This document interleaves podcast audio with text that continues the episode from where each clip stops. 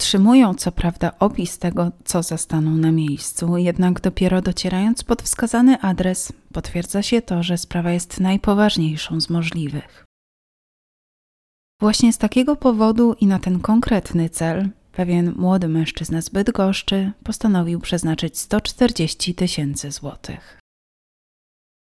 W dzisiejszym odcinku Krymi Wieści sprawa Daniela Z. z Lublina, próba wydania 140 tysięcy złotych przez pewnego młodego mężczyznę z Bydgoszczy oraz aktualizacja w sprawie ataku na grupę przedszkolaków w Poznaniu. W tym miejscu chciałabym prosić o polubienie tego odcinka, o komentarz, odsłuchanie odcinka do końca, a jeśli jeszcze tego nie robisz, to o zostawienie subskrypcji. Każdą z aktywności możesz dać platformom sygnał, że to, co Kremikrąg oferuje, może okazać się ciekawe także dla innych użytkowników i warto ten kanał rekomendować. Dzięki temu nasz krąg może być jeszcze większy, a nie jest tajemnicą, że podstawą istnienia każdego kanału są jego odbiorcy. W pierwszej kolejności przenosimy się do stolicy województwa lubelskiego. Na jednej z ulic Lublina, we wschodniej części tego miasta, dokładniej w dzielnicy Bronowice, od około trzech lat mieszka 23-letni Daniel. Młody, ambitny, przedsiębiorczy, pochodzący z hełma chłopak.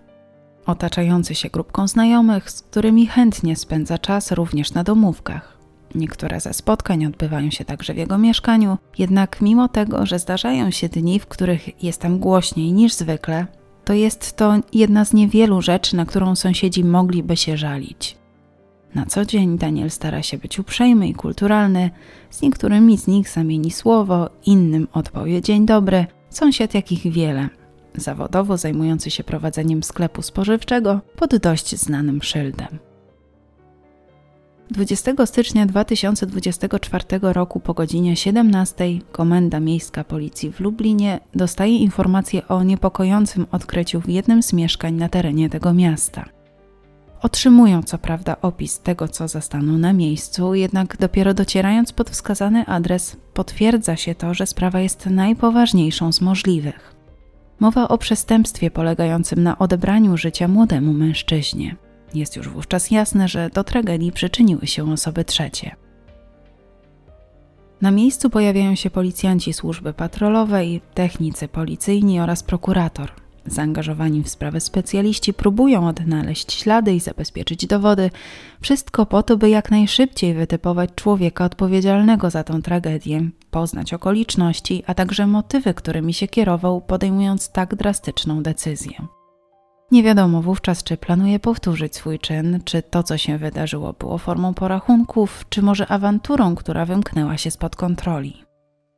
Podobno zawinięte w foliowy worek ciało zostało ukryte pod jednym z łóżek, ale oficjalnie nie przekazano szczegółowych informacji o dokładnych okolicznościach jego odnalezienia. Niestety, określenie personaliów sprawcy bądź sprawców nie jest wówczas najłatwiejszym zadaniem, bo jak się później okazuje, w ostatnich dniach w mieszkaniu przewinęło się kilka osób. Nie pozostaje więc nic innego jak ich zidentyfikowanie, przesłuchanie, a tym samym pozyskanie kolejnych szczegółów, które w ostatecznym rozrachunku będą mogły przyczynić się do rozwiązania tej zagadki kryminalnej. W każdym razie wersja, jakoby ofiara znała sprawcę, staje się coraz bardziej prawdopodobna. Ciało odnalezionego mężczyzny zostaje zabezpieczone w celu przeprowadzenia autopsji. Czynności zaplanowano na poniedziałek 22 stycznia bieżącego roku. Ustalenie tożsamości mężczyzny nie jest konieczne, ponieważ znana jest ona niemal od razu. Okazuje się, że jest to 23-letni Daniel Z. Natomiast makabrycznego odkrycia w związku z którym zawiadomiono służby, dokonał zaniepokojony brakiem kontaktu z synem ojciec.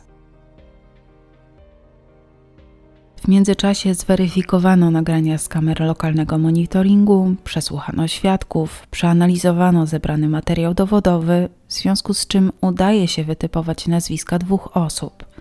Jak się okazuje, jedną z nich przesłuchano w charakterze świadka, drugą natomiast w charakterze podejrzanego.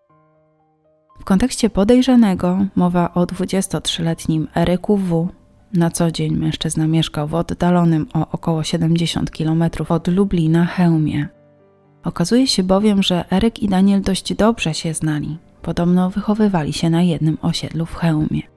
Ten fakt może potwierdzać wstępne przypuszczenia, że sprawca nie jest dla ofiary osobą zupełnie obcą. Swego czasu, właściwie po tym, gdy od Daniela wyprowadza się jego ówczesna partnerka, Eryk miał u Daniela pomieszkiwać. Eryka W. zatrzymano w niedzielę, czyli dzień po odkryciu przestępstwa, w miejscu jego stałego zamieszkania. Co prawda nie było go w mieszkaniu. Zostaje znaleziony w piwnicy. Nie do końca wiadomo, czy dlatego, że próbował się tam ukryć, czy z zupełnie innego powodu. W każdym razie, mimo zaskoczenia zaistniałą sytuacją, nie stawia oporu. Ma tylko powiedzieć, że nic Danielowi nie zrobił, że to Daniel rzucił się na niego z nożyczkami w dłoni. Po doprowadzeniu go do prokuratury odbywa się pierwsze przesłuchanie. Eryk W. słyszy zarzut spowodowania ciężkiego uszczerbku na zdrowiu, za co grozi mu kara nawet do 20 lat pozbawienia wolności. Ze wstępnych ustaleń wynika, że do tragedii doszło 19 stycznia, czyli w piątek. Zgodnie z opinią sąsiadów, tego wieczoru w należącym do Daniela mieszkaniu miało się odbywać jakieś spotkanie. W każdym razie było wówczas dość głośno, a około godziny 21 słychać było ostrzejszą wymianę zdań, w której nie zabrakło wulgaryzmów i krzyków. Coś stuknęło, coś uderzyło, a po chwili miało być już cicho. Podobna sytuacja miała mieć miejsce także w czwartek. Z kolei z analizy nagrań monitoringu, a także billingów rozmów i zabezpieczeniu wiadomości z komunikatorów staje się jasne, że wieczorem 19 stycznia 2024 roku z całą pewnością Daniel widział się z Erykiem i to najprawdopodobniej z nim się wówczas pokłócił. Mundurowi przypuszczają także, że najprawdopodobniej jest on ostatnią osobą, która widziała Daniela całego i zdrowego. W. nie przyznał się do winy, odmówił także złożenia wyjaśnień.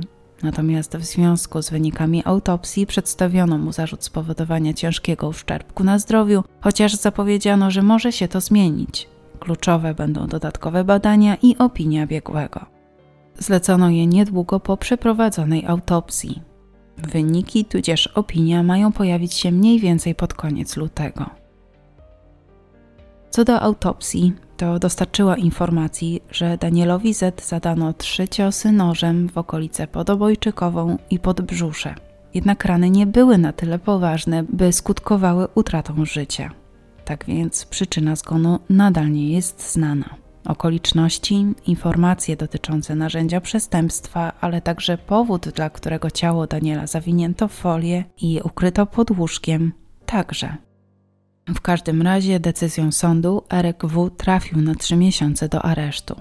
Kluczowe dla sprawy okażą się wyniki zleconych dodatkowych badań, a także opinia biegłego. Być może nastąpi wówczas zmiana zarzutów, być może w międzyczasie Eryk zdecyduje się jednak na złożenie zeznań i opisanie w nich, co się właściwie stało tego tragicznego w skutkach wieczoru. Być może opowie o okolicznościach, jeśli nie ataku, którego pożądanym efektem miało być pozbawienie życia Daniela, to szarpaniny, która wymknęła się spod kontroli, ale także o przyczynie kłótni, a nieoficjalnie pojawiły się informacje, że mogły dotyczyć sporu, tudzież zazdrości o kobietę. Ponieważ postępowanie trwa, a sprawa ma charakter rozwojowy, może pojawić się jeszcze wiele szczegółów z nią związanych. Za jakiś czas postaram się wrócić z kontynuacją sprawy Daniela. Jeśli natomiast pozyskacie nowsze informacje, proszę o komentarze. Będzie to dla mnie jasny sygnał, że warto zająć się tym tematem szybciej niż sobie zaplanowałam. O to samo chciałabym poprosić w kontekście kolejnej sprawy, która co prawda na szczęście nie skończyła się tragicznie, ale mogła. W województwie kujawsko-pomorskim, dokładniej w Bydgoszczy, dochodzi do zaskakujących, bulwersujących i trudnych do uwierzenia zdarzeń.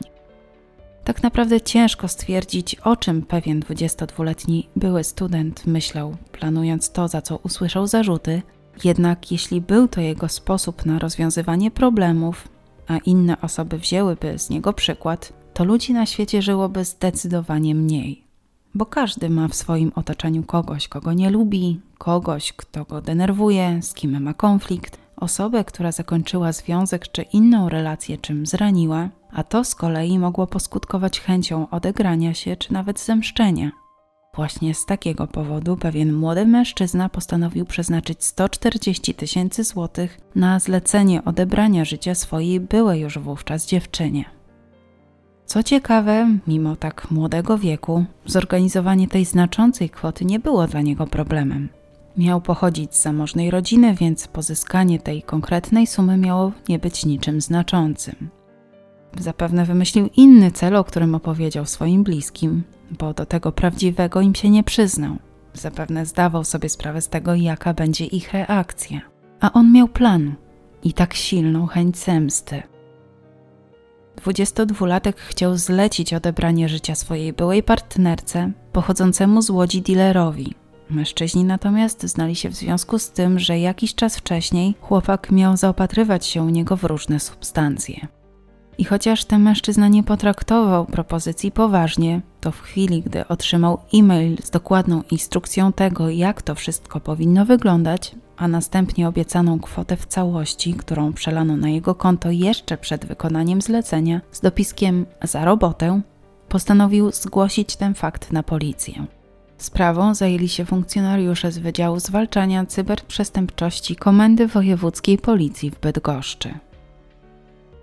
Według 22-latka idealnym sposobem pozbycia się jego byłej dziewczyny byłby ten dotyczący porwania, wywiezienia do lasu, pozbawienia życia, a następnie ukrycia ciała w taki sposób, by nigdy nie zostało odnalezione. Wiadomości do dealera miał on nawet napisać: Jesteś profesjonalistą, wiesz jak to zrobić. Skąd takie przypuszczenie, tego nie wiadomo. Być może z założenia, że skoro wybrany przez niego zleceniobiorca jest zdolny do handlu nielegalnymi substancjami, to zdolny jest do wszystkiego. Na szczęście okazało się inaczej, a 22-latek został bardzo szybko zatrzymany. Przedstawiono mu zarzut podżegania do odebrania życia. Do Bydgoskiego Sądu Okręgowego przesłano w tej sprawie akt oskarżenia, natomiast byłemu studentowi grozi nawet dożywotnia kara pozbawienia wolności. Co ciekawe, z opinii specjalistów wynika, że w chwili popełnienia przestępstwa był poczytalny i może odpowiadać karnie. Wracając natomiast do sprawy ataku na grupę przedszkolaków, do którego doszło w październiku ubiegłego roku w Poznaniu. W tym momencie zachęcam do wciśnięcia pauzy i odsłuchania podcastu, w którym zawarte zostały wszystkie dostępne na tamten czas informacje. Link zostawiam w opisie i w kartach. Odcinek podzielony jest blokami tematycznymi, więc jeśli nie jesteś zainteresowany, zainteresowana innymi wydarzeniami ze świata kryminalnego, które miały miejsce w październiku, z łatwością odnajdziesz interesujący Cię fragment. Gwoli przypomnienia. 18 października 2023 roku na poznańskim Łazarzu 71-letni Zbysław C. atakuje grupę przedszkolaków zmierzających na pobliską pocztę. W wyniku doznanych obrażeń życie traci pięcioletni Maurycy.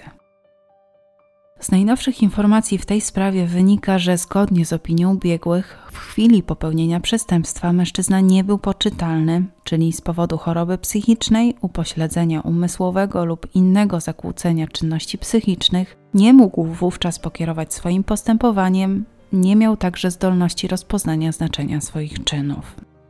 Biegli mieli nie mieć wątpliwości co do diagnozy. Nie prosili o możliwość poddania Zbysława C. obserwacji psychiatrycznej, uznając to działanie za zbędne. Do wydania opinii wystarczyło jednorazowe badanie. Oceniono także, że mężczyzna nie może trafić do zwykłego aresztu. Powinien natomiast zostać umieszczony w zamkniętym zakładzie psychiatrycznym tytułem środka zabezpieczającego zapowiedziano złożenie stosownego wniosku o umorzenie postępowania, jednak podczas rozpatrywania jeszcze przed wydaniem decyzji sąd może wezwać na rozprawę biegłych celem wysłuchania ich wyjaśnień w tej sprawie. Zbysław C. cały czas przebywa w areszcie ze względu na swój stan zdrowia na oddziale psychiatrycznym. Natomiast tuż po zatrzymaniu miał nie wierzyć w to, że mógł zrobić coś tak potwornego. Podczas przesłuchania nie przyznał się do winy, twierdził, że nie pamięta, co się tego dnia wydarzyło.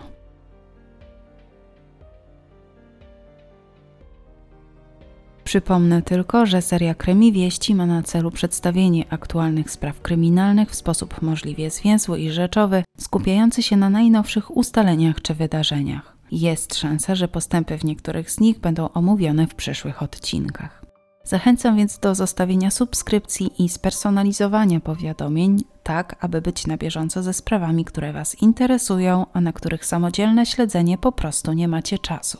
Proszę również o polubienie odcinka i zostawienie komentarza, chociażby dla zasięgów. Odcinek powstał na podstawie ogólnodostępnych informacji, źródła jak zwykle w opisie. Czy zostaniesz kolejnym ogniwem krymikręgu? Do usłyszenia całkiem zaraz.